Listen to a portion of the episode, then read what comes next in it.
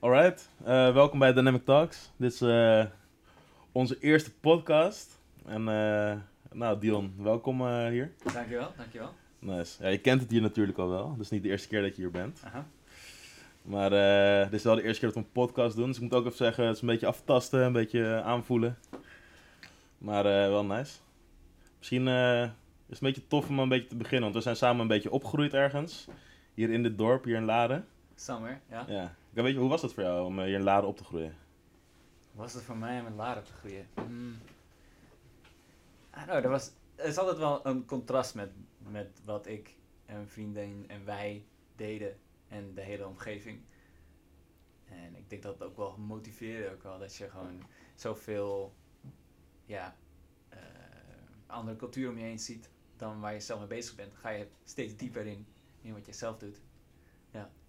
En wat was dat contrast dan? Als je het over een contrast? Nou ja, ik bedoel, Laren staat natuurlijk bekend om eh, de, de hele, de, ehm, ja, de, de, alle tv-personalities die hier wonen, alle directeuren die hier wonen, maakt het een, eh, een hele rijke eh, buurt. Zeg maar. Ja. Terwijl wat wij deden, tenminste ik en mijn vrienden ten eerste, we waren vooral aan het skaten. En toen gingen wij verder met, eh, met breken, dansen.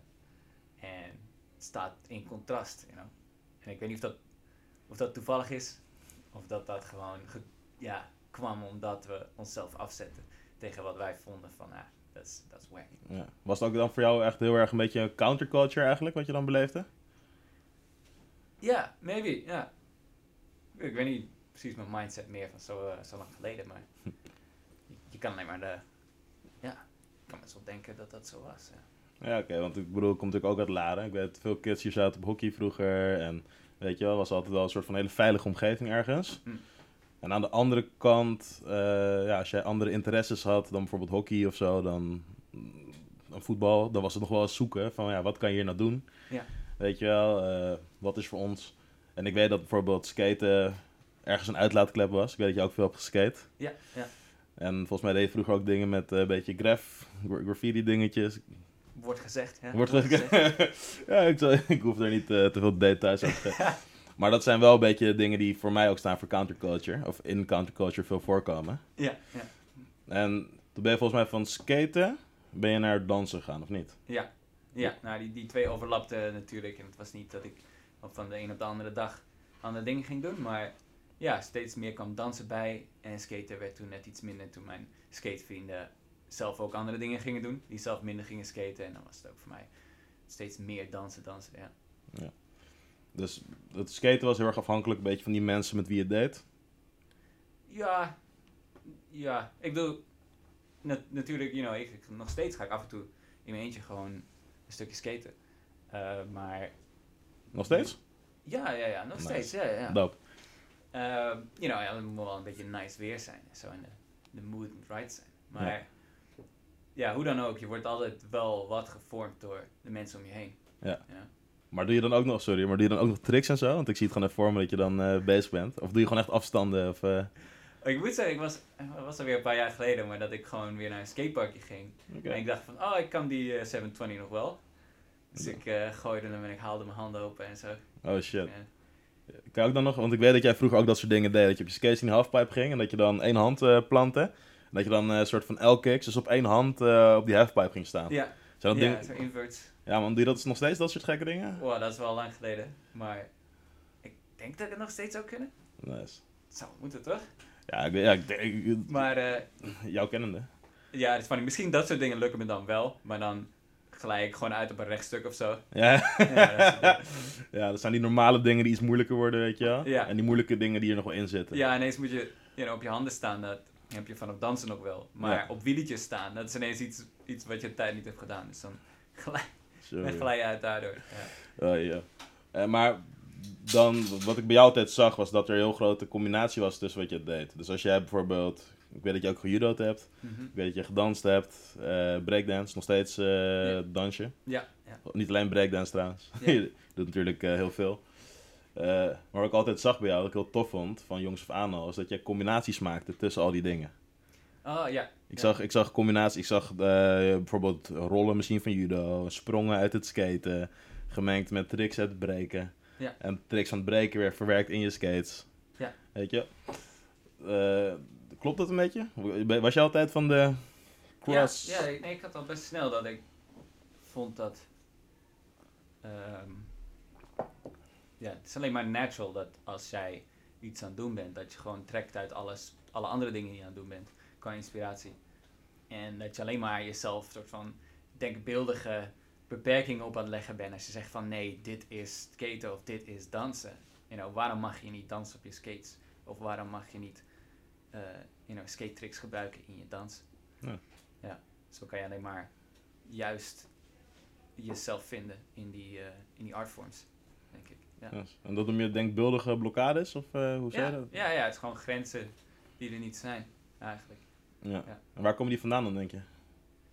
Ja, ik bedoel, dan, dan ga je ook echt in van, oké, het is, het is ook wel handig om vakjes te hebben van, oké, dit is bijvoorbeeld muziekgenres, dat je zegt van, dit is deze genre en dit is die genre. En dan kan je gewoon zeggen van, oh, ik maak dit soort muziek. Dat is handig om te kunnen zeggen, right? Maar eh, in werkelijkheid is het nooit zo afgebakend natuurlijk. En eh, dus ik snap het nut van dat soort denkbeeldige grensjes. Ja. En vakjes en alles. Alles in hokjes plaatsen. Ja. Eh, maar als je het ook echt aan het doen bent, dan ja, is het zonde om jezelf te beperken. Maar ik weet dat je ook veel kunst maakt. Maar heb je dan... En games maak je ook. Weet je, ik kom waarschijnlijk zo nog even op. Maar als je dat soort dingen aan het maken bent... eh, moet je dan juist niet ook een beetje in hokjes denken? Weet je, dat je dingen goed structureert, heel duidelijk maakt, helder communiceert. Ja. Want uiteindelijk denk ik dat heel veel... Ja, gaat over communicatie en dingen maken. Dat, is ook, dat zijn hokjes die je gebruikt... Ja. om concepten heel duidelijk te maken. Ja, ja en inderdaad. En mensen die, die vinden het veel makkelijker om dingen te accepteren als ze het in een hokje kunnen plaatsen. En dan, en je hoort vaak veel artists klagen over van ja, ik doe iets totaal nieuws. Maar mensen die pakken het niet op omdat het te raar is voor ze. En daarom zie ik dat hokjes eigenlijk meer als een soort van tool van hoe kan jij iets nieuws geven aan mensen dat ze het accepteren. Dus je, je gebruikt dat hokje als een soort van verpakking. En misleidt mensen zo op zo'n manier van, you know, oh dit is dit. Maar uiteindelijk dan maken ze het open en dan zien ze dat er veel meer in zit of dat het doorbloedt naar andere dingen. Dit is allemaal een beetje abstract nu, maar ik denk dat je dat hokjes plaatsen. You know, we zijn, you know, als, als mensen ook wel heel erg ingesteld om alles te structureren. Het voelt goed om te doen. Eh, dus waarom niet gewoon gebruik maken van het feit dat iedereen een mens is en dat soort structuren gebruikt om een you know, hoofd te ordenen. Maak daar gewoon gebruik van. Want je maakt kunst of whatever je doet, whatever je mee eh, uit, dat doe je naar andere mensen toe. Dus jij gebruikt dan eigenlijk weer die hokjes in de kunst om mensen mee te krijgen, omdat je het op die manier verpakt, maar ook om ze weer te verrassen, eigenlijk. Dus je speelt Ja. een beetje met die verwachting als ik het hoor. Ja, ja. Van dit is wat je krijgt, maar dan maak je het open en dan is het toch een hele, ga je een hele andere kant in één keer op of zo. Ja, ja nee, verwachting is alles, ja. Daar, daar kun je zoveel mee. En it's, eh, ja, net zoals know, grappen maken en zo. Hè, dat je, je moet eerst een verwachting geven aan mensen. En dan die verwachting verraden.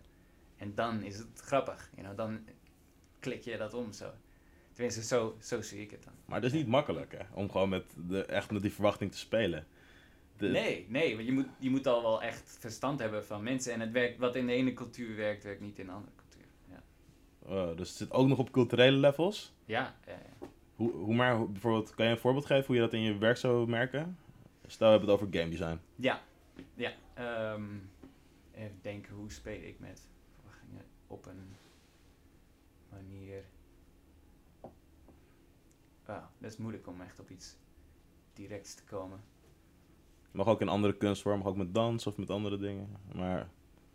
Want, want ik weet van jou wel dat je dat heel erg doet. Ik weet wel dat jij heel erg eh, mensen een richting op kan nemen. Bijvoorbeeld als je aan het lokken bent of je bent aan het dansen. Ja. eh, dat iemand erin zit en je doet in één keer iets waarvan mensen denken van wow, doet er nou in één keer een salto erheen of een sideflip of eh, Ja. weet je, zijn wel die kleine peak moments. Ja, ja, ja. Nou ja, ik bedoel, ja, met dansen bijvoorbeeld. Dat je, je hebt een hoed en dat is al een heel leuk ding om iets mee te doen. Dat je eh, stel, je gebruikt die hoed, je haalt hem van je hoofd af en je gooit hem omhoog. En de natuurlijke verwachting van mensen is van, oh, hij gooit, een, hij gooit iets wat van hem is omhoog, hij wil het waarschijnlijk terug, Ja. dus hij gaat hem proberen te vangen. Je doet alsof je hem probeert te vangen, Ja. maar je mist hem expres. Of Ja. maar, laat, laat het lijken alsof dat niet expres is. En je vangt hem met je been in plaats van met je handen. En dat is al Ah. gelijk iets wat, wat mensen soort van, huh? weet je? Hij deed alsof dat, en ik dacht echt dat hij hem ging vangen. Maar uiteindelijk viel hij op zijn been en dan haalt hij hem daar weer mee omhoog. Ja, dus oké. Dus als ik me even begrijp, is wat je eigenlijk doet, is je gaat eerst ehm, richting het logische pad voor iets. Ja. Dus bijvoorbeeld, je gooit iets in de lucht en het logische zou zijn dat je het zou vangen. Ja. Maar eh, in plaats van dat je een soort van die logische reactie doet op die eerste actie, Ja. Kies je ervoor om iets totaal anders te doen. Of out of context. Dus in plaats van met je hand, vang je het met je voet. Ja. Ah, Oké, oké. Ja, maar het moet wel, het moet nog steeds eh, inspelen op die verwachting. Dus in dit geval was het dan, ik mis hem met mijn handen, maar ik vang hem met mijn voet. Ja, Is nog steeds wel vangen, want als jij hem mist met je handen en je schopt hem weg met je voet, ja. is, is soort van eh, niet meer een, een verhaaltje of zo. Het is niet meer ehm, connected aan Ja. dat vangen idee, Ja. wat, wat hun verwachting was. Ja. Eh, dus je kan, je kan die verwachting soort van verraden, maar je moet wel eh, dan ook echt wel een andere verwachting vervullen of zo. Het, ja, het is, het is een beetje vaag om het zo uit te leggen, maar eh, je hebt iets wat heet non sequitur. Ik, ik weet niet of ik dat allemaal goed Mm. uitspreek. Dat is Latijns voor niet opvolgend. Hm. En dat is ook echt een middel wat je kan gebruiken. Het is een tool waarin je kan, dingen kan doen die niet eh, op het vorige slaan. Dus je gaat ook echt gewoon iets compleet willekeurigs doen. Hm. Dat kan grappig zijn als je ook echt die kant op gaat. Maar wat je eigenlijk wil is dat het nog steeds eh, inspeelt op wat mensen verwachten, maar dan anders. Of Hm. dat, dat je nog steeds connect met, met mensen en niet gewoon iets totaal willekeurigs doet. Want dat is, ja, dat, dan raak je ze gewoon kwijt, Ja. denk ik. Maar kan je een voorbeeld geven bijvoorbeeld van non sequitur? Want ik denk dat het wel, ja, het is, niet een alledaags begrip. Nee, nee, nee, nee. En ik denk dat heel Eh. veel dingen die we doen zijn juist, eh, ja, het zijn logische actie-reactie dingen. Ja. Dus eh, we doen iets en dan hetgene wat erop volgt, dat is een hele logische keuze. Ja. En wat jij nu zegt, eigenlijk, eh, je doet iets, maar daarna komt iets totaal randoms. Ja. Maar heb je een, heb je een voorbeeld om dat iets meer eh, toe te lichten? Oké. Eh, dat is denken. Dat is een mooi geluid. Dat was wel random. Nee, dat is misschien wel het voorbeeld. Was dit het voorbeeld? Ja, dit was het voorbeeld. Heb ik nu net het voorbeeld gecreëerd? Oh shit. Ja, dat was inderdaad. eh, het was wel een actie-reactie, want ik had natuurlijk eerst dat ding in mijn hand. En toen ik hem wou neerzetten, toen zat er een andere beker onder. Ik was alleen niet bewust Ja. van dat die reactie zou komen. Dit was een per ongeluk, niet, niet expres, maar als je ja, dus een stilte hebt en dan een plotseling je eh, raakt een, eh, een glas eh, heel hard, Ja. dat kan je zo zien. Er is geen, er is geen soort van opvolging als jij ehm, aan, aan iemands vinger trekt en hij laat er scheet, weet je. Dat is, dat is opvolgend, je hebt een soort van actie-reactie, dat snap je. ja. Maar als jij gewoon stilte hebt en je beukt je hoofd ergens tegenaan of zo, ja. dan, dan is dat, zou je dat kunnen zeggen, non sequitur. Maar Ja. Ik het is maar, niet, niet over het algemeen wat ik doe, maar dit kan ook echt wel iets zijn. Ja. Nee, want jij doet dus meer. eh, jij volgt de logica, maar jij doorbreekt het op het juiste moment. Mhm. Weet je, jij doorbreekt soort van het patroon der logica. eh, om iemand eigenlijk te misleiden. Op Ja. de meest leuke manier, op een entertainende manier. Ja. Eh, en dat is inderdaad anders dan dat je constant maar random van A naar Z, naar X, naar Q, naar hashtag Ja. gaat. Ja, absoluut. Ja. Ja, oké. Cool. Dus ja, eigenlijk wat je zegt is, wat jij doet is allemaal uit logica gebouwd. Het zijn allemaal logische stappen, logische... Ja. En hoe vertaalt dat zich bijvoorbeeld naar jouw games? Want eh, voor de mensen thuis, die weten toch niet van, ja, eh, dat jij een hele toffe game designer bent. Ja. Jij hebt al meerdere spellen gemaakt. En je hebt zelfs spellen die uit zijn op PlayStation, op de Switch, op van Nintendo. Ik heb hier toevallig een van jouw spellen. Ja. Dit is de Japanse versie van Little League Blaze. Ja. En Little League Blaze is een spel wat jij hebt gemaakt samen met jouw, mag ik zeggen, productiebedrijf? Gameproductiebedrijf, game development. Ja, Hoe, hoe omschrijf jij het? Team Reptile? Hoe omschrijf... Team Reptile. Maar waar, waar, waar staat dat voor? Ja, het, het is een, eh, het is een bedrijf wat ik met eh, mijn compagnon heb gestart. Alweer zowat negen jaar geleden nu. Ja, Ja man, je bent negen jaar al met Team Reptile bezig? Ja. Je bent nu hoe oud? nu ben ik 31. Oké, dus je was eh 22, even uit mijn hoofd, toen je begon met je eigen bedrijf. Ja, 21, 22, zoiets. Ja. Nice man, goede leeftijd. Maar hoe, oké, kan je even iets vertellen van hoe gaat dat? Want je bent eigenlijk, ja, je bent nog een hele jonge guy. Ja. Weet je, je hebt eh, je hele leven gedanst, je hebt op school gezeten en één keer denk je, ik ga games maken of zo? Of, eh? Nee, nee, nee. Dit was, al, dit was echt al een lopend ding wat ik altijd had. Ehm, dus eh, we hadden het over skaten Ja, hiervoor. En toen kwam dansen in de picture. ja, En ook in die tijd al, toen ik 13, 13 14 was, ja.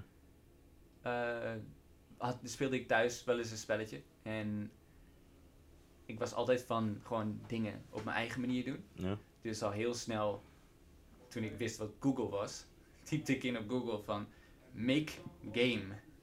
En gewoon van kijk maar hoe dit gaat werken. Want ik, tot dan toe had Google altijd allerlei antwoorden gegeven die, Ja, die je maar had. Was, eh, was nog een nieuw ding toen. ja. En ehm, toen kwam ik op een, een programma, een, een Nederlands programma eigenlijk. Het heette Game Maker. ja. logische connectie, make game. En eerst wat je krijgt is game maker. En, ehm, en dat eh, was een programmaatje waar je eh, heel ja, kleine, simpele spelletjes kon maken zonder te veel te programmeren. En daar was ik toen, op dus 13-jarige leeftijd, rond dat we gingen dansen, jij en ik, Ja. eh, was ik toen ook al een beetje mee bezig. Ja. En eh, daar heb ik volgehouden, want als ik niet ergens aan het dansen was, trainen was of zo, dan zat ik thuis en was ik meestal aan, aan het klooien met dat programma. En, Hmm. En er zaten, kwamen een paar spelletjes erbij en die kon je dan ook gewoon openen en, en aanpassen. En dat was wat ik deed. Ah. Modification, zeg maar. Ja, ja, ja. Gewoon kleine verandertjes, veranderen plaatjes of zo. Dat je dan had je een, eh, een autospelletje. En dan eh, moest je andere auto's ontwijken. En het eerste wat ik deed, was ik vervangde die auto met eh, Gohan uit Dragon Ball. Oh shit. ja man, vet. En in plaats van dat je al die auto's moest ontwijken, ja. kon je op spatiebalk drukken en dan deed je een Kamehameha. En dan schoot je zeg maar die auto's kapot en die ontplofte. Oh shit, dus je had gewoon als, je eerste spel, dat wist ik gewoon niet eens. Maar je eerste Eerste spel, spel, ja. was je gewoon een, een mod gemaakt waarin je Gohan van Dragon Ball Z gewoon Ja, auto's hebt laten afknallen en laten ontploffen. En Ja. de- ja, ja. ja. Vet. Ah, dat was, dat was een, een redelijk simpele modificatie, maar... Ja. En het, het hele spel was niet meer moeilijk of zo, maar het was gewoon cool. En ik denk dat dat een soort van draad is geweest nu in hoe ik spellen maak ook. Hm. In gewoon...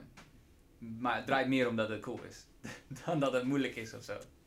Maar Nice. eh, dit, dit was allemaal terwijl wij ook nog aan het dansen waren. Ja. Eh, niet heel veel, maar af en aan. Dus ik, ik bleef dat doen tot ik, dat ik 18 was. Ja. En toen ehm, ja, wou, ik, wou ik een opleiding doen. Ja. En eh, net van de middelbare school. Eh, twee dingen die ik had toen waren dansen en games maken. En ik zat erover na te denken van wat, wat, is het, wat is slim? Want ik wil allebei blijven doen. Ja. Wat is slim om dan voornamelijk te doen? Ja. Om, om echt mijn dagen mee vol te maken. En toen dacht ik van ja, eigenlijk, misschien is het op lange termijn een betere investering om gewoon overdag games te maken en s'avonds te dansen. Hm. Want spellen maken kost gewoon heel erg veel tijd. Ja. En ehm, als, je dat, als je het omgekeerd zou doen, dus je gaat overdag een soort van dansen of je gaat de meeste van je dag besteden aan dansen en je gaat dan spelletjes maken in je vrije tijd, dan, ja, dan kom je nergens met, ik bedoel, met dans kom je ergens, maar met spelletjes maken kom je nergens. Ja. En ik dacht van, nou, ik wil dansen toch meer voor de lol doen, anyway, als ik er zin in heb. Ja. En niet dat ik me verplicht voel om te dansen of zo. Dus toen was mijn beslissing, oké, ik ga me focussen op eh, spelletjes maken om geld mee te verdienen. En dan nog steeds mijn passie met dansen vol te houden in de vrije tijd die ik heb. Dat leek me de beste verdeling. En eh, dus ik begon een, eh, een gameopleiding op mijn achttiende. Hmm. En dat was... Waar heb je die gedaan? 2008, geloof ik. Welke gameopleiding was dat? Dat was Game Design and Development op de HKU, Oké, ja. die toen in Hilversum zat. Ja. En ehm, Hoe was dat?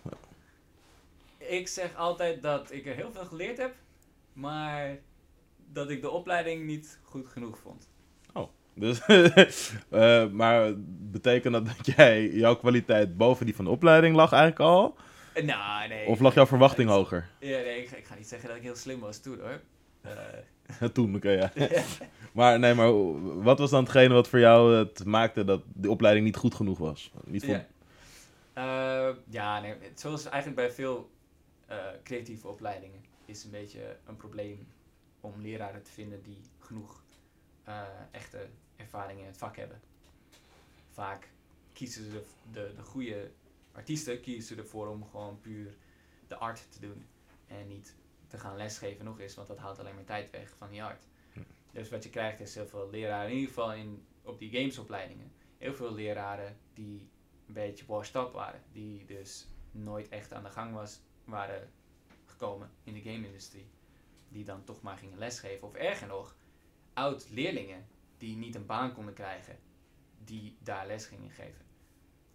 Dat, dat was een beetje het jammerige. En ook ja, gewoon het, het feit dat het allemaal een beetje moeilijk is en onverkend is. Nog steeds eigenlijk om les te geven in games maken is, is ontzettend moeilijk. Ja, gewoon door de, de af, ja, afwegingen van is het een kunstvorm? Is het eh, ja, gewoon simpel entertainment? Is het zaken? Ja. Daar heb je ook een hele movement van, serious games. Wat, wat is het voor jou? Voor mij is het kunst en entertainment. Nou, zo zie je dan zelf meer als een kunstenaar, als een entertainer of als een ondernemer? Want je hebt natuurlijk wel een bedrijf. Ja, ik, wil, ik ben met alle drie bezig. Ja, Eh, moet, ik, moet ik dus zeggen, ja. Ik denk dat alle, alle kunst is ook wel entertainment hoor. Maar Is dat zo? ja, ik vind van wel. Ja. Maar is dat niet pas entertainment als je kunst maakt voor anderen? Of als je het in ieder geval laat zien aan anderen? Want je hebt natuurlijk heel veel kunst die je maakt voor jezelf. Ja. Die misschien nooit het licht zal zien. Of die nooit eh, door anderen bekeken zal worden. Als je begrijpt wat ik bedoel. Klopt, klopt. Maar we, you know, alle, alle kunst die we om ons heen zien, Ja. uiteindelijk moeten die met een klein beetje entertaining gedachten zijn gemaakt. Anders dan zouden we ze nergens zien. En, en zouden we ook niet geïnspireerd worden door ze of zo, right?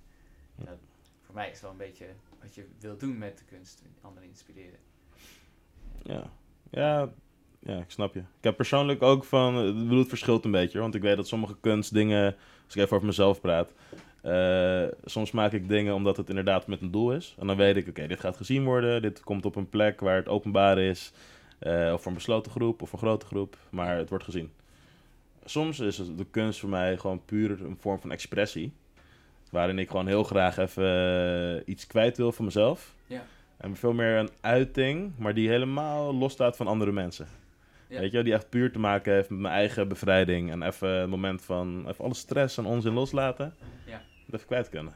Ja, oké. Ja. Dus en voor mij is dan, laat ik het zo zeggen, als je zegt van ja, kunst heeft altijd een entertainende waarde. Denk ik, ja, som- vaak wel waarschijnlijk. Ja. En ook binnen een soort van ondernemingen en als je echt doelen ermee hebt. Maar soms kan kunst denk ik ook een hele mooie, pure vorm zijn van zelfexpressie. Ja. Weet je, gewoon even loslaten. Even het moment. Ja, oké, maybe. Ja, en dan, want dan, dan heb je dus soms dat je gewoon in, in een gesloten ruimte zelf aan het dansen bent, bijvoorbeeld. Ja. ja. En dan eh, zie jij jezelf meer als kunstenaar dan? Op dat moment? Niet, niet, nou ja, bijvoorbeeld op dat moment. Ja. Kijk, op dat moment ben ik eigenlijk niet bezig met de hokjes, maar ben ik bezig met de uiting. Ja. Ik denk dat dat het grote verschil is. Want dan is het veel meer van, ik dans nu om even iets echt even los te laten. Misschien ben ik heel gestrest of heel gespannen. Weet je, heb ik allemaal dingen meegemaakt eh, door de week die me gewoon best wel hoog zitten. Ja. En dat moment dat ik even kan dansen, ehm, is dat voor mij even een total release. Mhm. Is het echt even tot mezelf komen. En dan vooral dat moment daarachteraan, weet je wel, dat je dan even aan het zweten bent en weet je, je hebt een shirtje gewisseld en, uh, en een tijdje Ja. gaat douchen of weet ik Ja, ik ken dat wel hoor. Ja. Dat, dat is gewoon zo'n heerlijk, eh pu laat ik zeggen, een pure vorm van expressie. Ja. Weet je, niet voor iemand anders, dus voor niemand bedoeld, behalve voor mezelf. Ja, maar dat, dat soort dingen, weet je. Daarom kijk ik naar, naar professionele dansers en denk van, oef, weet je. Ik, ik, heb, ik zit allerlei problemen op te lossen op mijn werk en dan kom ik in een, in een danszaal en dan laat ik los, weet je. Dat is gewoon stress relief voor me. Ja. En nagaan als dat, als dat soort van omgekeerd is, is weird voor mij. Maar, Ja. maar oké, ja. Misschien, misschien ben jij juist jezelf aan het entertainen. Oké, oké, oké, oké, oké. Dat vind ik een mooie eh, twist around. Misschien ben je alsnog aan het entertainen, maar dan alleen jezelf. Oké, oké. Terwijl je danst, heb je misschien in je hoofd een idee hoe je eruit ziet. Hoe, wat, wat je doet, hoe dat eruit ziet. En dan entertain je jezelf ermee. Ik ben wel bewust van mijn lichaam en van de bewegingen die ik maak. Ja, want je probeert nog steeds, niemand ziet je, maar je probeert nog steeds mooie bewegingen te doen, denk ik. Verschilt, verschilt, verschilt. Ehm, kijk, al- ligt eraan wat het doel is van de training, weet je wel? Of van het moment. Is het een soort van training? Ja. En wil ik dat een bepaalde move vooruit gaat en dat ik beter word in het controleren van mijn lichaam in die manier van bewegen? Of eh, ben ik inderdaad, weet je, ben ik misschien met vrienden aan het dansen, weet je wel? En is dat gewoon op dat moment puur actie, reactie, reageren op wat de ander doet. Weet je, mijn been gaat omhoog, dus ik ga omlaag en ik ga er onderdoor en mijn hand gaat over iemands hoofd en die ontwijkt hem weer en pakt het vast en weet je wel? Ja. Eh, want bij de ene, als ik het echt voor mezelf doe, ben ik misschien echt aan het trainen. Ja. En als ik dan met iemand, weet je, zo samen gewoon vrij aan het dansen ben, om maar zo te zeggen, dan... Ja, het is nog steeds, ja, ik denk dat je wel gelijk hebt, Dion. Het blijft een vorm van entertainment. Alleen dan entertainen we misschien elkaar en dan entertain ik mezelf. Ja. Ja, het zit toch wel echt door elkaar heen verwoven. Hè? Misschien is dit ook weer you know, een terugspeling op waar we het eerst over hadden met die hokjes. Ja, Dat is, want het is fijn om dingen te plaatsen van dit is kunst, dit is entertainment. En de doellijnen zijn anders en hupplepup. Maar uiteindelijk, als je het openmaakt, dan, dan, dan is het helemaal niet zo duidelijk meer. Kunst is absoluut entertainment. En entertainment is absoluut kunst. kan je, oké, maar misschien kan je, zou jij kunst kunnen definiëren? Ik ga het even heel moeilijk, ja, we gaan even, Eh, ik neem even diep in hoor, ik weet het. even een deep dive. Het is allemaal ongerehearsed. definitie van kunst. Dit is zo'n ding waar we altijd op terugkomen. Ja, tuurlijk. Maar ik ben wel benieuwd eh, wat vandaag het antwoord is. Wat- dat, dat, dat groeit ook Dat natuurlijk. is ook zo'n ding, ja. Dat, dit is gewoon zo'n definitie die, die gewoon blijft vervormen als, naarmate je verder gaat in wat je aan het doen bent. Ja. Wat is kunst? Ehm, Nou Dion, wat is kunst? even, even, la- laat me even mijn gedachten op een rijtje zetten. Kijk, wat was de laatste keer dat ik erover nadacht? Ja. Volgens mij, ja. De laatste keer dat we erover hadden. Ik denk dat ik daar nog steeds aan vasthoud. Dat kunst is een ehm, eh, eh, nutteloosheid. Als in, het is niet... eh, het, is, het is een soort van eh, iets wat niet direct nodig is voor overleven. Het is een eh, soort speelsigheid die wij doen. Het, is wel, het is wel evolutionair nuttig voor ons om, om kunst te maken, denk ik. Het is echt om mensen te inspireren is heel belangrijk in onze samenleving. Maar het gaat je niet, zeg maar, het is geen jagen op eten of zo. Het is niet, eh, het geeft je geen eh, onderdak direct. Weet je, natuurlijk als andere mensen je geld ervoor geven dan wel, maar kunst gaat je niet veilig houden. Dus als je al veilig bent, dan ga je soort van tussen aanhalingstekens nutteloze dingen doen zoals kunst. Dan ga je tekenen en dan ga je eh, vormen en zo. En, en- en dingen bedenken die er nog niet zijn. Want dan, dus ik, ik bekijk echt dingen een beetje eh, als Darwin, zeg maar. Mm. Dan, als je eenmaal in een veilige situatie zit, in een comfortabele situatie, dan ga je voorbereiden op wat nog moet komen. En ja, hoe doe je dat? Dan, dan ga je ook echt eh, ja, dingen bedenken die er nog niet zijn. Misschien tools, misschien you know, iets wat je kan bouwen of zo. Eh, maar ook eh, echt gewoon compleet nutteloze dingen die je, ehm, die je laat ontspannen en zo. Dus de kern hiervan is dat ik denk dat, dat kunst een, een ehm, ja, quote-unquote nutteloos eh, actie is. Oké, maar dat is best wel een tegenstelling. Want, is het? Is het? Ja, denk het wel. Want je zegt aan de ene kant, het is evolutionair. Ja. Het is belangrijk, het gaat over het bouwen van dingen en het groeien. En aan de Ja. andere kant zeg je, het is nutteloos. Ja, ja, ja. Dat, dat misleidend.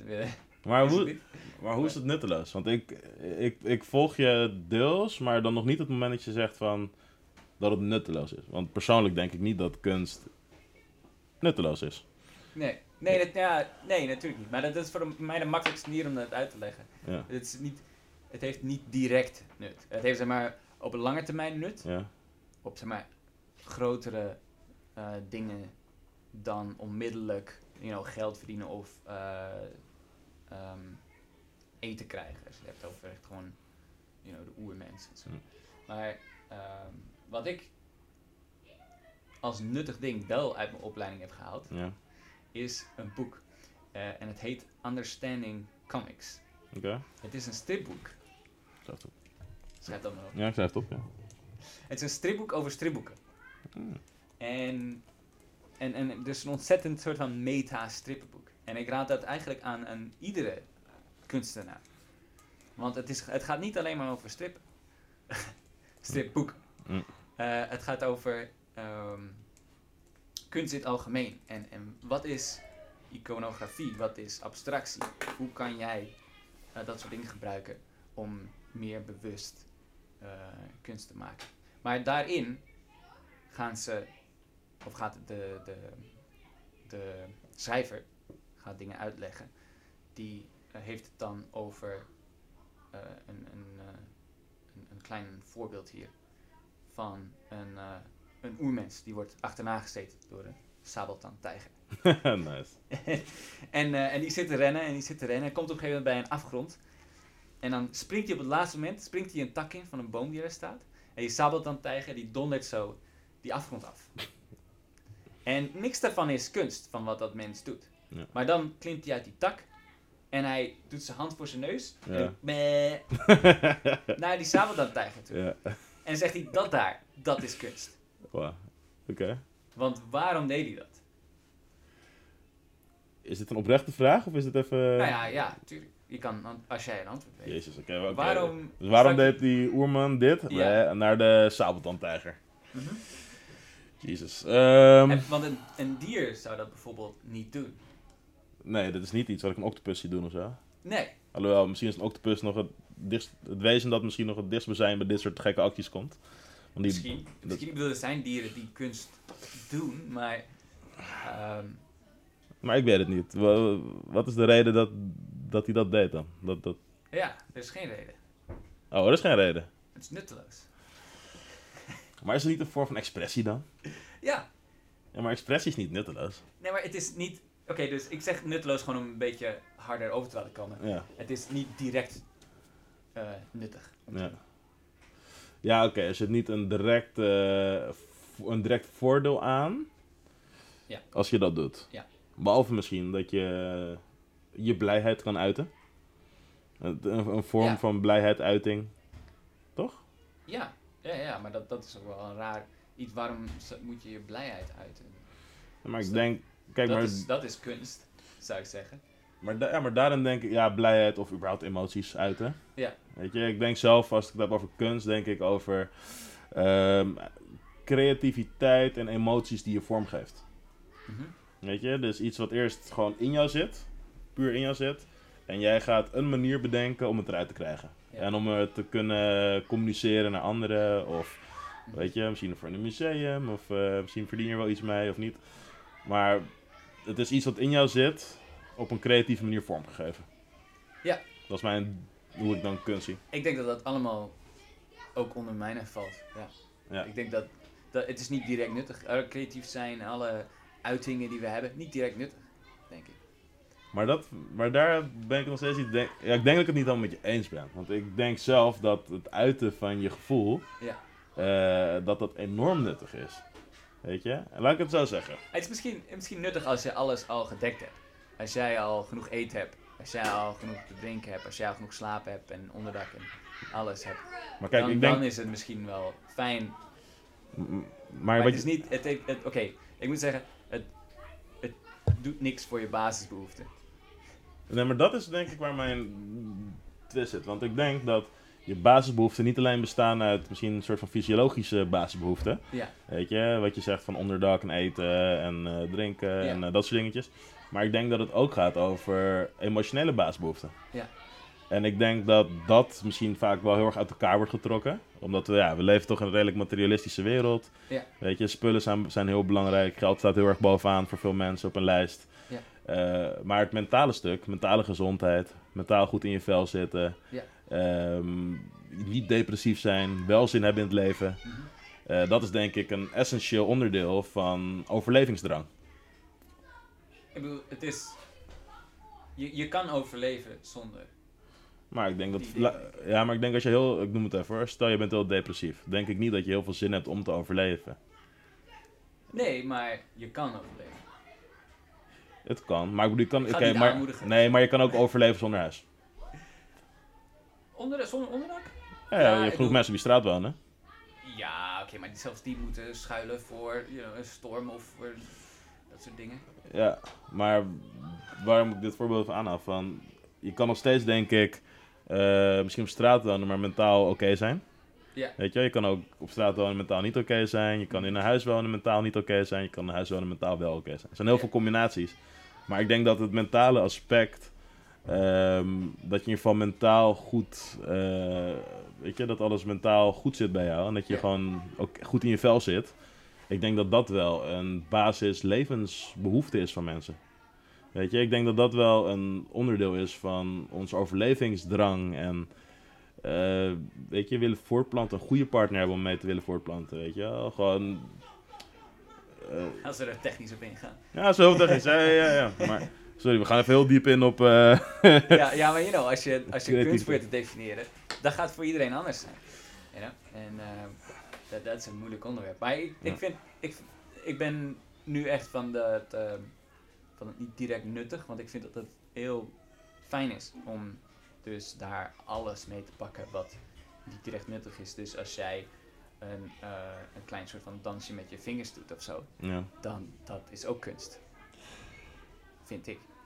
Ja, als je, ja, ja, ja, als je het als een dansje ziet en als je daar ook op die manier mee bezig bent, om, Ja, in, intentie is ook iets. Nieuwe moves te doe maken. of doe je het zodat je het kunst wil zijn? ja, Eh, zo, sommige mensen die denken ook zo dat je, dat je, als jij de intentie hebt dat het kunst is, dan is het kunst. ja. En dat kan ik ook wel begrijpen, ja. Eh, maar ik, ik vind het ook wel fijn dat, dat, dat, dat you know, inboelingen ergens op een eiland die buiten onze maatschappij staan, dat Mm. zij ook kunst hebben, maar ze weten niet wat kunst is. You know? Zij kunnen niet de intentie hebben om kunst te maken als ze niet weten wat het is. Daarom denk ik van, zelfs dan, weet je, dan zou ik het kunst kunnen noemen met mijn definitie. Maar, Maar- ja. Kan je niet per ongeluk kunst maken? Eh, jawel, jawel dat, dat is dus met die, met die bleh, toch? Naar die sabeltandtijger. Hij had niet de intentie om kunst te maken. Maar weldra, er was kunst. Maar dan is het toch, oké, maar dan is eigenlijk pas kunst als je het definieert als kunst. Want voor die tijd kan het er al zijn, maar pas het moment dat een buitenstaander komt en zegt, hé, hey, dit is kunst, wat jij nu doet. Oh, nee, nee, nee, ik ben niet nodig. Ik ben niet nodig daarvoor. Nee, maar die guy die eh, doet, die hoeft niet te denken van dit is kunst. Die Nee. denkt gewoon van lekker puh, ik heb gewonnen, jij Ja. bent dood, sabeltandtijger. Ja, ja, ja. En dat is gewoon puur die expressie. Pas zodra een, observ- een observer komt en die denkt van, hé, maar dat is apart, Oh, dit is kunst. Oké, dat is een interessante hoek, ja. Van, is, you know, is, is, het, eh, is het universum eh, de getuige hiervan op een bepaalde manier dat het kunst kan zijn? Ja. Dan gaan we bomen die omvallen terwijl er niemand is. Dat soort dingen. Ja. Nee, maar ik bedoel, je hebt ook van die, je hebt eh, heel veel oude culturen. En die eh, doen ze opgravingen, archeologische vindingen. Ja. En dan vinden ze allemaal mooie kopjes en bekertjes en eh, steenwerken en aardewerken met allemaal schilderingen erop. Ja. Dan zeggen ze, ja, ze maakten kunst. Ja. Maar dat is natuurlijk totaal vanuit ons perspectief. Ja, waarin dat, misschien was het Dat- daar... Dat, dat was de vraag ook, hè? Wat, wat wij definiëren als kunst. Dan moet je al dus vanuit ons gaan denken. Ja. Maar dan probeer ik voor mezelf het zo tijdloos mogelijk te maken, weet je wel. Van wat is kunst in de meest tijdloze versie van het Ja. begrip? Ja, ik denk niet dat je... Ja, ik bedoel, als je de mens weghaalt, dan bestaat kunst ook niet, denk ik. Oké, Het maar is een verzinsel. Het is- ervan uit... Ja, oké, maar dat is alleen als je ervan uit... Dat is alleen... feitelijk zeggen. Maar dat is natuurlijk alleen als je ervan uitgaat dat wij de enige zijn in dit universum. En de enige bewuste, levende wezens zijn eh, die dingen creëren en bewust daarmee bezig zijn. Ja, oké. Maar je kan, ja, oké. je kan zeggen mens of je kan zeggen wezen die intelligent genoeg is. Maar het is een beetje hetzelfde. Oké. Ja. Maar ik bedoel, er zijn dieren op deze planeet die ook met een kwast dingen kunnen maken. Ja. Er zijn dieren die tools gebruiken, die daar creatief mee omgaan. Tuurlijk, ja, ja, er is ook niet zo, ik denk niet dat er zo'n heel groot verschil is tussen ons en dieren. Maar Nee, ja, ze zeggen vaak kunst, maar ik denk dat ook hoe ik dus kunst uitleg, dan kunnen ook gewoon dieren prima kunst maken. Dingen doen die niet onmiddellijk nuttig zijn voor hun basisbehoeften. Eh, de, de, de, you know, apen vooral, die, die eh, rond aan het dansen zijn of zo. Prima kunst. Ja. Dus- en zij hebben geen flauw idee of er een definitie voor is of zo, dat maakt zo niet uit. Toch kunnen we er naar kijken en zeggen dat het kunst is. Dat, dat vind ik wel fijn. En, en voor mij moet ook de, de definitie zelf te gebruiken zijn. Maar denk jij dan ook dat dans en muziek bijvoorbeeld nutteloze kunstvormen zijn? dat klinkt gemeen. Ja, nee, ik Klinkt ga, ik, gemeen. maar je wou, je wou het zeg, hard oké, hebben. Dus, niet, eh, nuttig voor je basis, niet onmiddellijk nuttig voor je basisbehoeften. Voor Maar- echt, echt je overleving. Oké, maar er is een theorie, hè? Laten we even, laat ik even deze theorie omhoog Oké, halen. maar dan moeten we door. Ja. We gaan door in deze the- Maar de- ze hadden een instrument gevonden en dat was volgens mij een eh, fluitje. En dat was gemaakt van de tand van een, eh, nou, laat zeggen, een, een mammoet of zo. Ja. Ja, en dus dat ding was super oud, dat fluitje. Mhm. Dat hebben ze in een grot gevonden en ze hebben een hele reconstructie gemaakt van wat die geluiden waren.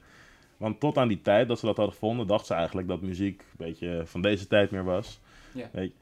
Maar wat de theorie is rondom dat fluitje, is dat ze het in de grot speelden en dat het eigenlijk een gezamenlijke ehm, uiting was. Dus dat de muziek die gecreëerd werd en het samenkomen, dat het eigenlijk stond voor de sociale basisbehoeften. Ja. En dan heb ik het dus niet over een soort van de individuele basisbehoeften. van Ik heb een dak boven mijn hoofd, maar veel meer van wij zijn hier samen, wij zijn een gemeenschap, we voelen ons verbonden met die gemeenschap. En de theorie is eh, dat muziek daarin eigenlijk een hele belangrijke factor speelde. Ja, En dus eventueel ook dans. Want dans en muziek zijn hand in, gaan hand in hand. zou je denken, ja. Ja. Maar, nou, het enige wat ik denk dat die theorie wil zeggen is dat als dat klopt, dat het ook een basisbehoefte van de mens vervult. Alleen dan een sociale basisbehoefte. Ja. Een verbindende basisbehoefte. Ja, ik wil, ik, ja, dus het het is, dan, dan, ga je, dan heb je het dus niet meer over kunst, maar dan hebben we het gewoon over wat is nuttig ehm, voor, voor een mens. Maar ik, ik denk dat ik erbij bij blijf dat het gewoon eten, drinken, you know, eten, drinken, slaap. Dat als het voorbij die dingen gaat, Ja. als het iets anders vervult dan, Voortplanting ook trouwens. ah, oké, ja, Ja. ja. die dat. ja. Dus, you know, je, je, je, het behoud van leven, Ja. you know. Ja, ja. Als het voorbij het behoud van leven gaat, dan zie ik kunst. ja. Ja, dus al heel snel. Terwijl de expressie juist ook aantrekkelijk kan zijn. Iemand die heel goed is in zingen, of in dansen, of in weet ik veel, kan juist een enorme aantrekkingskracht hebben. Ja, ja, maar ik bedoel, eh, you know, als, als je mensen in verschrikkelijke omstandigheden laat, zouden ze kunnen blijven bestaan. en alles wat, wat het leven fijn maakt, ga je uiteindelijk richting kunst. toe, Ja, dat, dat, Ja. dat is in ieder geval met hoe, ik- hoe ik mijn definitie aanpak. Ja. Dus laten we Ja. zeggen, even afstappen van het fysieke element, maar dat is gewoon toch wel het emotionele element ervan of zo. Weet je, dat het fijn maakt. Wat, Ja. zeg je dat, wat je een Ja, beetje bedoel, rust. je, je kijkt naar, naar dieren en die overleven prima eh, zonder kunst. Veel ervan dan. Ja. Eh, het kan, maar ja, als je daar voorbij gaat, dan zie ik al snel kunst. Maar laten we dan even een, stuk, even een stapje terugnemen, want Ja. die gaan we echt heel diep in op wat kunst betekent. Inderdaad, dat, was, dat is natuurlijk een eh, hele taart om aan te snijden. Ja, Ja, ja, een lekkere taart wel. Eh, ja, ja. You know. Ik vind, het- ik vind het een goede taart. Maar kijk, want laten we nou gewoon even het iets makkelijker, maar iets simpeler. Want jij we hebben het nu best wel veel gehad over dans. En dat je dans heel tof vond en mooi vond en fijn vindt om te doen. Ja. Maar kan je even iets omschrijven van... Ik denk heel veel mensen die dit luisteren, die denken ook van... Ja, maar eh, dansen bedoel je met een biertje op in een club of eh, met een drankje op. Maar volgens mij is dans in ons perspectief iets totaal anders als Ja, Dat. ja, inderdaad. Ja. Maar wat, wat is voor jou dan dans? En kan je het een beetje omschrijven? De definitie van dans. Ja, nee, nee, Nou, nee. Wat, oké. ja. Oké, laten, we, laten we het over hebben, onze dans. ja, laten onze dans. Ja, wat, Ja. wat is hetgene wat wij lekker vinden aan dansen? Ja. Eh, Ja, wa- ja, ja. wa- waarom zijn wij bijna verliefd geworden op dans? Nou, dit- we begonnen natuurlijk met break. Ja, breakdance. Ja, en you know, voor kids is dat gewoon, is gewoon heel vet om te zien. Het is ook gewoon alleen maar stoere moves doen en een soort van indrukwekkende dingen doen. En dan eh, daar elkaar mee ophypen en nog ja, elke keer een stap, schepje bovenop doen als je met elkaar zo aan het interacteren bent. En één voor één die, eh, die cirkel inspringen dus. En ehm, ik denk dat dat is zo'n andere soort van dans dan ballet of dan eh, salsa. You know, en, heel veel respect voor die dansen. Mhm. Maar het structureel gewoon heel anders. You know? En eh, het is niet alleen break, het is natuurlijk ook alle andere street dance vormen. Paraplu street dance. Hebben natuurlijk ook locking, popping, you know, house dance. Die allemaal op zo'n manier werken. Ze zijn allemaal een soort van gestructureerd, hebben, hebben eh, foundation, hebben, hebben basisdingen die je kan doen. Hebben wat hogere techniek, technische moves.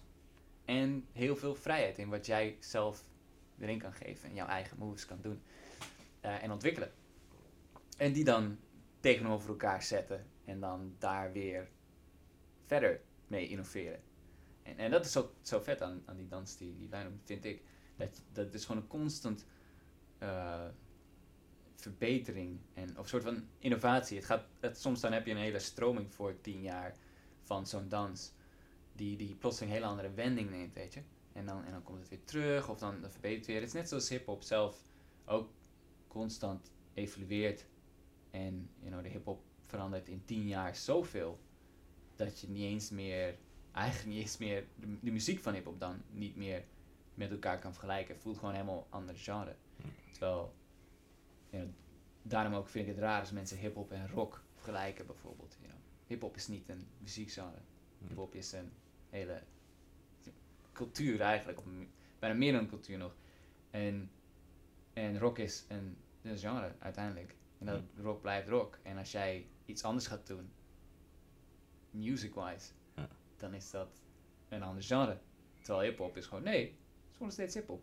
Dus het is, het is funny hoe dat werkt. En, en eh, om terug te komen op dans, ehm, eh, en, en dat is zo, zo leuk eraan, dat je constant aan het communiceren bent met andere dansers. Het is niet dat je een choreograaf hebt, ik bedoel, je kan natuurlijk in zo'n vorm ook dansen, maar je hebt niet een choreograaf die je vertelt wat je moet doen. Je doet het en je ontwikkelt de volgende show en de volgende show of enzovoort. Maar het is meer, je gaat naar een training of naar een jam en je doet je dans en er, er komt iemand anders die jouw stijl doet en die komt ineens met hele andere moves of hele andere innovaties. En jij van, oh shit, dat brengt mij op nieuwe ideeën. Ja. Nu ga ik erin en laat ik zien hoe ik dat weer transformeer.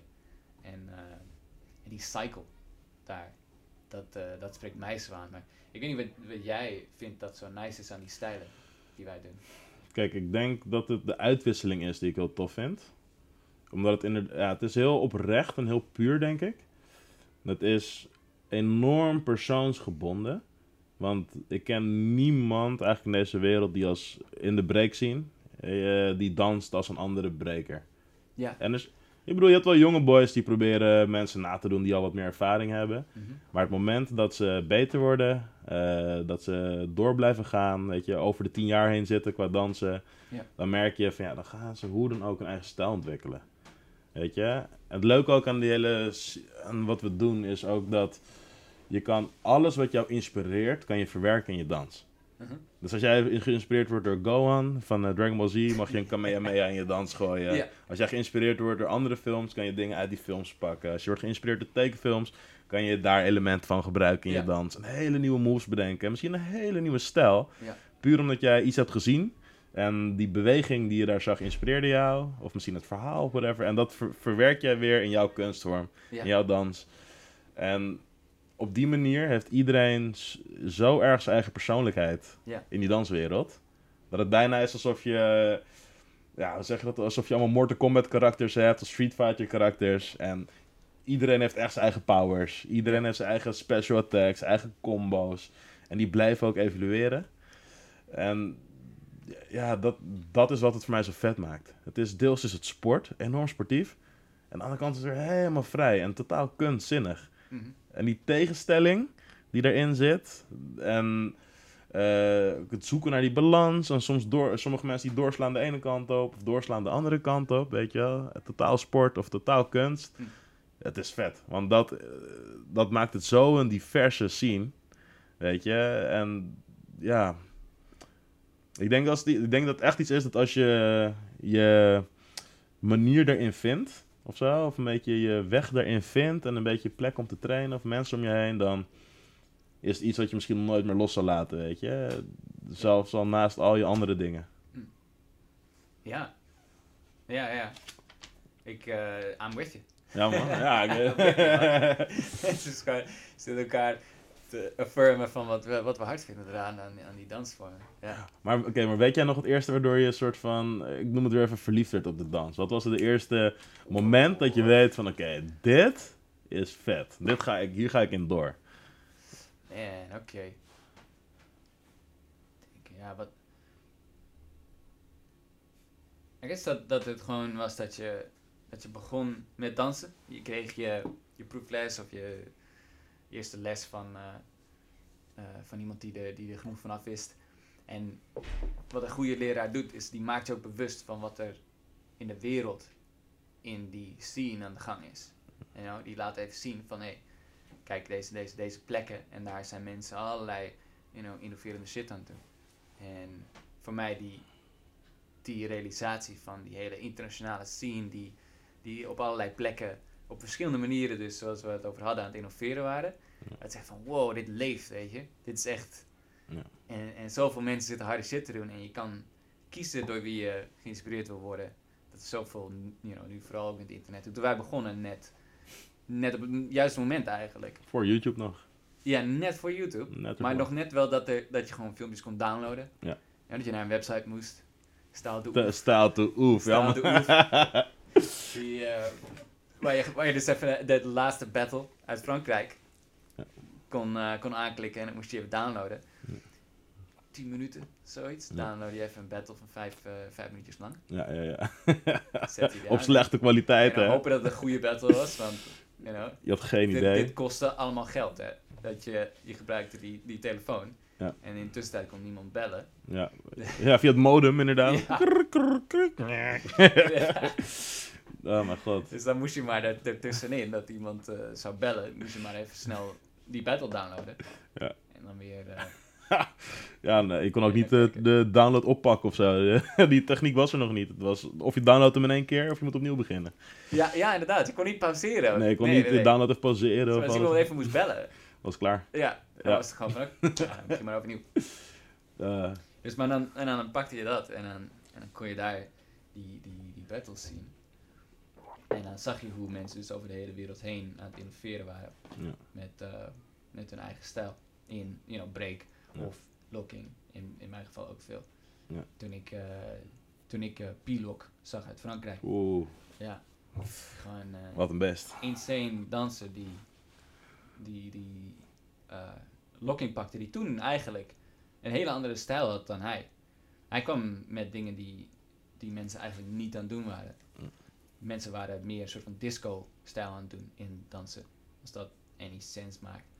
Eh, en hij pakte een veel soort van snellere, cartoony actiestijl. Ja. Die mij toen ook weer heeft geïnspireerd van, oh, je kan dit dus ook zo doen. Je kan dus ook echt eh, je, je persoonlijkheid zo laten shinen daarin.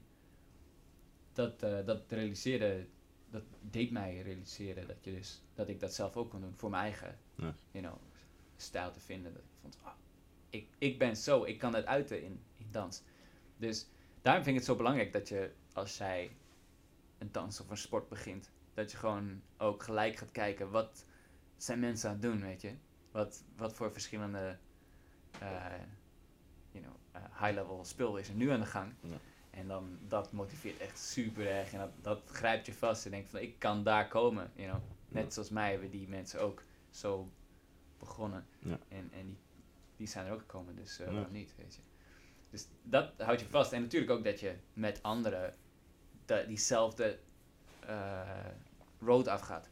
Ja. Dat je, you know, met je kameraden gewoon eh, diezelfde kant op gaat en allemaal zo'n idee hebt van ja, ik ga mijn stijl ontwikkelen op zo'n manier en ik ga deze, deze moves doen en je bent constant aan het experimenteren, ehm, vinden van nieuwe manieren en jouw manier om dingen te doen. Dus eh, heel eigenzinnig. Ja. Anyway, dus dat, dat pakte mij vast. Ja. Nice. En eh, nooit meer losgelaten. Nice, man. Nee, ik kom er niet vanaf. Nice. Nee. Ja, dat- ja, je, kan, je kan me in een kantoor zetten. Maar nog steeds, nog steeds ben aan het It dansen. happens, ja. Maar ik heb het ook, als ik in een vergadering zit, het moment dat die vergadering ook maar een beetje saai wordt of zo, dan begint mijn lichaam te bewegen. en Ja. soms is het heel minimaal. Soms is het een vinger, soms is het mijn voet, soms is het een teen, soms is het een pols. Soms... Ja, Maar ik ken heel erg dat gevoel van, het, houdt je altijd vast. Weet je wel, dit is iets waarvan ik ook weet, ja, dit gaat altijd gewoon meegaan. Eh, ook als ik eh 80 ben, dan zit ik nog steeds met mijn rollator waarschijnlijk gewoon lekker te swingen en waves te doen. En, uh-huh. Dus, you know, des te meer het ook niet mag, des te leuker het is om te doen ineens. ja. Als je, als je op een plek bent waarop het, waarop het niet gepast is. Ja, Ja. nou, nou, niet extreem, maar ik bedoel, niet dat je op een begrafenis zit te groove of zo. Maar meer, meer dat je... dat- meer dat je gewoon soort van, als je stil moet zitten ergens of zo. ja. Nou, dan was het vooral op school, toen de tijd natuurlijk. Nou, ik heb momenten meegemaakt. Dat je, gewoon, dat je gewoon lekker soort van minimale dingen aan het doen bent, of je bent met je vingers gewoon aan het dansen, weet je. Ja, ja, vaak onder de tafel. Ja, inderdaad.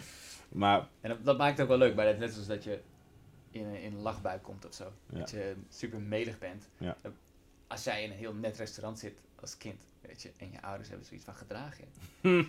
Man, dan is alles grappig. Mhm. Het maakt echt niks uit wat het is dan.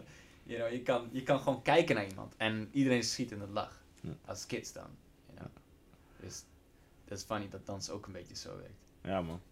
Ik weet nog voor mij gewoon dat eerste moment dat ik een soort van eh, die verliefdheid voelde, of dat gevoel van wauw, was, eh, we waren in de Warrekam. En het was eh, hier om de hoek, het oude buurtcentrum eh, van Laren. En we waren eh, beneden in de theaterzaal toen. En onze toenmalige leraar die had een, eh nou, zeggen, een videoband meegenomen. En deze videoband was een kopie van een kopie van een cassettebandje. Het cassettebandje? Ja, ik weet het. cassettebandje? Ja, van Betamax, ik weet niet. We gingen echt diep terug in de tijd. Ja. Dus eh, ik weet nog dat we die videoband aanzetten. En we gingen op die biermer. En het duurde voordat alles werd aangesloten en het deed. We zaten Ja. een tijdje te wachten. En toen ging na een tijdje dat, die film aan. En eh, stond op, de, op het beeldscherm stond The Freshest Kids. En je hoort... En je hoort een beat. En je ziet mensen bewegen. En je ziet heel veel, vooral heel veel strepen door het beeld inlopen. Want dat was die kwaliteit. Het was echt, ja. eh, omdat het zoveel, zo vaak gekopieerd was, was het gewoon echt een hele, nou laat ik zeggen, een slechte bootleg. Maar ik weet nog dat de dingetjes die je zag en de dingetjes die je hoorde, Mhm. die lieten me zo een andere cultuur zien dan wat ik gewend was hier in het dorp. Ja. Weet je, zoveel meer vrijheid dan wat ik ook gewend was hier eh, als eh, jonge jongen. Dat ik dacht van, wauw, dit is iets wat ik nog nooit heb gezien. En ik wil hier meer van weten. En ik denk dat dat ook dat dat me heel erg gepakt heeft. Omdat je, ja, je zag Crazy Legs en je zag Ken Swift en je zag de Rocksteady Crew en alle legendarische brekers. En het is een beetje alsof je misschien voor het eerst voetbal ziet en dan voor het eerst hoort van Johan Cruijff. Ja. En je hoort voor het eerst van, eh weet ik veel, Pele of van, eh, ja, noem al die legendarische gasten maar op. Ik, weet, ik ben totaal niet into voetbal. Maar je ziet het eerst dit soort gasten en toch word je getriggerd. Hm. Omdat je al ziet van, wow, wat hun doen, dat is niet normaal. Ja. Weet je, en het verhaal wat erachter zit en de, de, als je hoort hoe het zich ontwikkeld heeft en hoe het verspreid is door de wereld. Eh, ja, dat is bijna gewoon een verhaal vol met superhelden die, eh, weet ik veel, allemaal blokkades hebben moeten neerknallen, moeten afvechten. Ja. En, Dit zijn allemaal comic characters. Ze hebben ook allemaal eigen powers en zo. ja, en allemaal bijnamen. Ja. Want ze heten ook niet allemaal, eh, ik veel, Thomas de Jong of Jan de Wit. Ze heten allemaal B-Boy, Rubber legs. Rubberlegs, Crazy Monkey, weet ik veel. nou, alle gekke bijnamen van hier tot Tokio. Ja, ja, en dan denk je dat. En dan hebben ze ook allemaal powers die, die, die ze maar ingaan op die naam. En dat, dat is zo mooi. Lijkt allemaal comic book characters. Ja, ben je B-Boy Gravity en dan dans je zonder zwaartekracht. Dus dan kan Bijna je wel, bijna du- wel, ja. dubbele salto's en eh, nou, Ja. allemaal gekke dingen. Ja, ja. Nee, ik denk dat dat ook een beetje het magische was, weet je. Het was een beetje... Het is wel onze wereld, maar het is bijna een subbranch van onze wereld. Ja, Weet je, van... van ja, ja het is die, die eh, you know, hoe in elke, elk verhaal ook heb je die ehm, hero's journey. Ja. Ken je dat? Ja, de, de, de pro- antagonist, protagonist, hoe noem je zoiets? De hoofdrolspeler die Ja. de ontwikkeling doormaakt. Ja, ja, maar ook dat, die, dat het, er is altijd een soort van wereld waar die induikt. En, en dat, dat spreekt ons gewoon aan van you know, iemand die begint ergens in een normale wereld en die soort van duikt in een, in een Narnia. In, in een eh, Lord of the Rings, in een... In, zelfs Star Wars heb je ook gewoon dat die begint op een soort van... Ja, hele, hele average omgeving. Zelfs al is die voor ons niet average, is het in het verhaal wel heel soort van normaal. En dan gebeurt er niks. En dan plotseling you know, wordt die, die wereld ingedoken, geforceerd eigenlijk. En dan moet hij daar allerlei dingen doen. En dan ja, een heel, heel archetypisch ding voor verhalen. Het is eigenlijk een beetje overdone. Ja. Maar het, je merkt dat iedereen nog steeds zo'n gevoel heeft. Ja. En dat kids zijn echt daarvan, oh, dat, dat is, you know, dat is wat, eh, waar, waar je van geniet. En dat als je dat kan zien, gereflecteerd in wat je in het echt doet, weet je, in, in dans of in whatever kunstvorm je doet, in muziek, in eh, you know, dat soort dingen, dan, Eh, dan gaat dat echt gewoon in je hoofd zitten als van, oh, dit is de shit. En dan denk ik soms dat het nodig is dat het ehm, dat je dus een, een soort van normale wereld nodig hebt. Ik denk dat de danswereld bijvoorbeeld is lang niet zo hard als er geen normale wereld was. You know? Ja, ja, ja, Kijk, snap nou, je? als, als, het- als danswereld de normale wereld was, Ja. dan zou het een stuk minder hard zijn. Dan moet je weer een andere ontsnapping hebben. Ja, het is misschien een ontsnapping, ja. Ja. Het is kind of oppervlakkig ook. Dat, dat we zoiets hebben van, oh, het is gewoon, het is gewoon anders. Gewoon contrair van ons op te, om te zeggen van, oh, nee, we doen niet zoals de rest. Ik ben niet zoals de rest.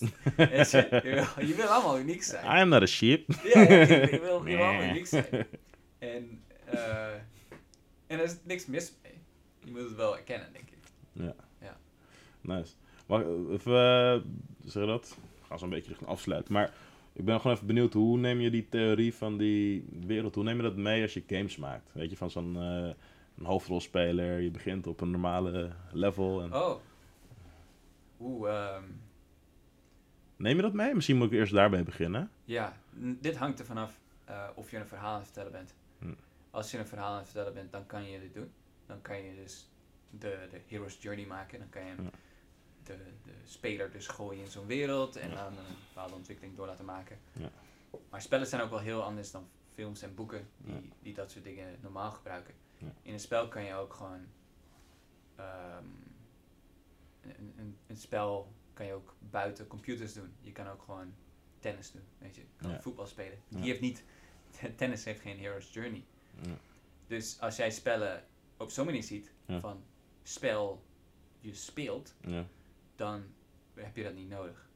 Maar ehm, ik heb in ons eerste spel die we gemaakt hebben Ja. met Team Reptile, daar hadden we dat wel. Daar was, was een soort van lineair verhaal. Eh, Megabyte Punch heet dat spel. Oh wow, ja, dat gaat ook way back, ja, dat is way back. Ik had, ik had ook echt een, een comment gelezen van iemand op een heel oud filmpje ervan. Die zei van, wow, this was my childhood.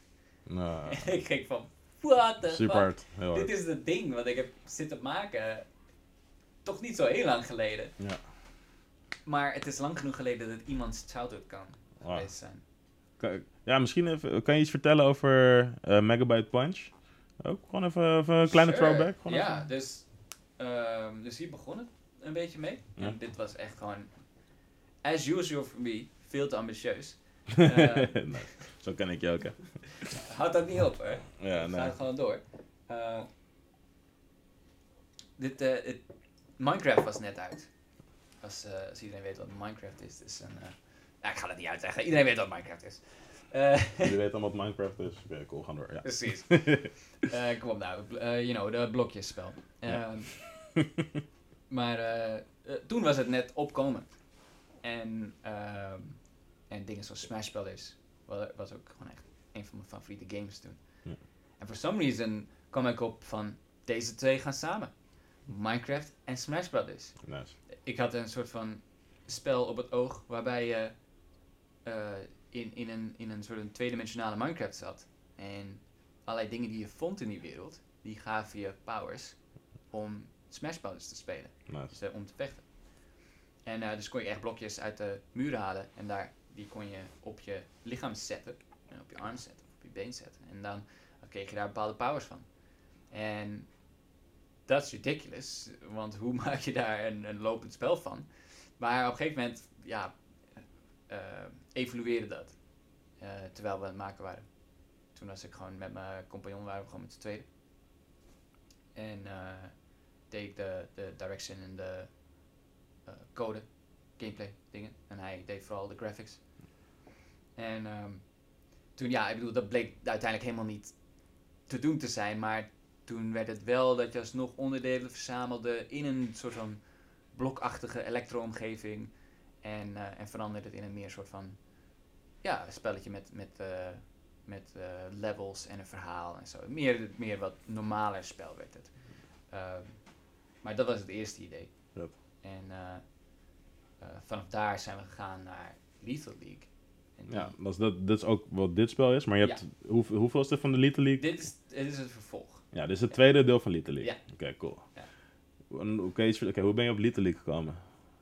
Lethal League was eigenlijk, kwam uit Mega Punch. Dat we daar hadden we, dat je dingen kon reflecteren naar elkaar toe. Ja. En toen vonden we dat zo leuk dat we dachten, dit moet gewoon een, een spel op zich worden. En toen vanaf daar maakte ik een prototype heel snel, twee weken. Die werd opgepakt op allerlei fighting game toernooien. Eh, en, en was ineens super populair. Het was gewoon een gratis flashspelletje op onze website. Daar begon het mee. En, en dat werd ineens eh super veel door allerlei mensen gespeeld, omdat het zo, zo van intens was. Dat eh, constant heen en weer reflecteren. En, en dat die bal steeds sneller ging. En nou ja, ik bedoel, dat, dat sloeg aan. Dus wij dachten, dit moet een spel worden. Dus toen werd een spel. En die hadden we toen op Steam uitgebracht. En die knalde. Dat was ons eerste echte hit.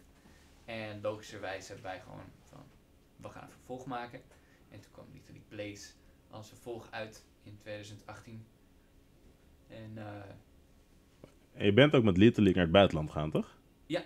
Kan je iets daarover... Want hoe was dat dan? Je gaat internationaal oh ja, dus zoals ik zei, de, de fighting game mensen die, die zaten Little League te spelen als mallen. Ja. En wij hadden zoiets, wij moeten naar die mensen toe. Wij gaan you know, kijken, wat, wat zijn hun, eh, hoe, hoe spelen zij dit? En hoe reageren ze op dingen? Zo is heel interessant. En, en het is goed om kennis te maken met die mensen, connecties op te bouwen.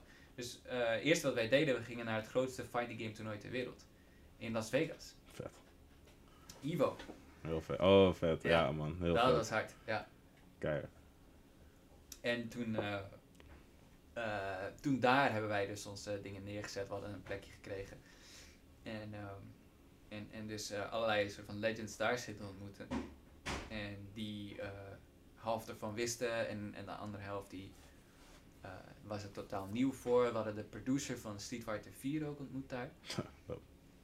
En die, die vond het ook wel geinig. Volgens mij is het natuurlijk niet helemaal onmiddellijk, maar hij vond het wel leuk. En, ehm, en nog wat toernooitjes gedaan. En, en dat was onze soort kennismaking in die scene. Ehm, en toen zijn we daarna ook nog naar Japan geweest. Naar Tokyo Game Show. Vet. Om weer een hele andere groep mensen aan te spreken. Het, eh, mijn, mijn soort van... ik- toen met Little League had ik zeg maar, de, de character art overgenomen. Eh, dat deed ik voor Mega Punch niet. Of toen deed ik alleen maar wat schetsen. En met Little League kwam ik echt tot mijn eigen in, in ook grafische stijl. En hoe ik games wil maken. Eh, en die stijl is dus waar, waar ik echt dans gebruik. Maar ook eh, anime gebruik. En gewoon die twee door elkaar, die, die hip-hop subcultuur en die anime in elkaar kneedt. En gewoon, oké, dit komt eruit. En, ehm, en, en dat, toen was het logisch van, oké, blijkbaar door die invloeden pakken Japanners dit ook op. Dat zagen we in de cijfers. Oké, wij gaan gewoon naar Japan. Wij gaan naar die mensen toe. En, en eh, connecten daar ook. Eh, dus dat deden we. En, eh, en toen uiteindelijk rolde deze eruit. Dit is een, eh, fysieke editie van Little League Blaze die weer op de tafel hebben staan. Die dus een Japanse uitgever heel graag wou doen. En daar hebben we mij mee samengewerkt om deze ook echt in de winkels te krijgen. Dus dit is de eerste keer dat, dat deze in de winkels ligt bij ons. Dope man. En nu ben je met een nieuw... Ik weet niet in hoeverre ik hier iets over mag vragen of zeggen. Maar Oh, jawel hoor, jawel. We Maar hebben hem aangekondigd. Ja, je bent- oké, Ja. Ik heb een hele vette trailertje gezien. Ja. Eh, of ik weet niet of ik trailer mag zeggen, maar een soort van eh, een snippet. Ja. Eh, met een beetje, ja, toch wat beelden van de nieuwe game die eraan komt. Ja. En het zag er echt heel dik uit. Dankjewel. Echt een, eh, wat ik zag, open world zag ik in ieder geval. Of in ieder geval eh, open levels. Eh, niet 2D gebonden, maar echt, ja, je gaat rond, je mag dingetjes. Maar kan Ja, je me iets ja. vertellen over eh, jullie nieuwe project? Dus onze nieuwe heet Bomb Rush Cyberpunk. En dat is een mond vol. Bomb Rush Cyberpunk. Ja. Oké, wat Ja. betekent het ten eerste? Die naam, die naam betekent... eh, Oké, je hebt bomb rushing. Ja. Bomb rushing is zo'n, is zo'n term die je ook vaak in hip-hop terug hoort. Het is iets, zeg maar, op iets aan, op iets afstormen eigenlijk. En you know, dat, dat deed je als je ergens you know, met, met een groep vrienden een concert binnen wou, geen tickets had. Dan kon je een bomb rushen. En zeg maar, dan zouden sommige mensen zouden binnenkomen en misschien weer een paar gepakt, maar you know, afwegen. Dat is bomb rushen, maar ook gewoon, gewoon op iemand you know, fysiek afrushen eh, is, is bomb rushen. Maar wat we hebben gedaan is, want dat is bomb rushen, dat is B-U-M. Als, oh. dat, als, als een zwerver eigenlijk, gewoon als een, als een mal op iemand afgaan. Eh, maar wat wij hebben gedaan is bomb rush, als in bom. En bombing is iets wat uit graffiti komt. Ja. En mocht het zijn, dit is een graffiti game waar je bombing aan het doen bent. En bombing betekent gewoon eigenlijk illegaal heel veel graffiti doen. Ja, als je aan het bomben bent, dan doe je dat. Ehm, en dus het is een woordspeling op bomb rush, bomb rush en bomb rush is dan dat. En dan cyberpunk is iets van, oké, you know, hoe gaan wij uitleggen dat dit niet de nieuwe Bomberman game is? dat, dat was een beetje het ding. Van, ja, nice. wat, wat maakt dit I get it. ik bedoel, Bomb Rush klinkt al hard. En het was zoiets van, we gaan het zo noemen. Maar ik dacht van, nee, er moet toch iets achter om even die stijl neer te zetten. Ja. En wat ik zo nice vind aan, aan dus hip-hop ook, is dat het innoveert. We hebben het erover gehad. En dus als ik dingen maak, dan ben ik graag bezig, you know, futuristisch. Near future, eigenlijk. Zo'n beetje, eh, of, of near alternate future. Als het maar iets is vooruit geprojecteerd, you know. Positief, eh, eh, niet een utopium, maar fu- futuristic stuff. Ja. Want, you know, dat, dat nieuwe terrein betreden is voor mij echt hip-hop. En, you know, we, we zagen natuurlijk ook cyberpunk dingen vaak genoeg. Maar cyberpunk is echt een hele andere stijl. Cyberpunk, you know, van punk al, is echt, eh you know, is white people shit. Oké, wel. Let's not go there, man. Het is wat het is, weet je. Nou, het is gewoon een hele andere stijl. De, de, de, Got know, it's black punkers too. ja, oké, you know. Oké, dus het, he- het is verbonden met, met rock en, en punk. En het heeft een beetje een soort van donkere stijl. En je denkt aan dingen zoals ehm, Blade Runner, you Ja. know, cyberpunk. En, eh, en dat, is, dat is niet waar ik mee verbonden was. Ja. Eh, dus, dus hoe draai ik dat om? En we hadden het ook over funk. Want funk is iets wat gewoon altijd, you know, in, in hip-hop ook blijft zitten. Hip-hop is, is bijna uit funk gekomen. Soms zeg ik wel, hip-hop is aggressive funk. Maar dat klinkt een beetje negatief, maar ik was gewoon een wat, wat hardere, hardere variant of soort van uit funk gekomen. Maar, eh, dus ik vind funk heel essentieel ervoor. En toen kwam die, die connectie van, oh wacht eens even, funk, punk, you know, we kunnen Ja. dit wel doen. We kunnen Ja. gewoon cyberfunk doen. Ja, ja, ja. En dan is het zoiets van, dit bestaat niet. Ja. Niemand heeft cyberfunk als stijl neergezet. Niemand heeft ooit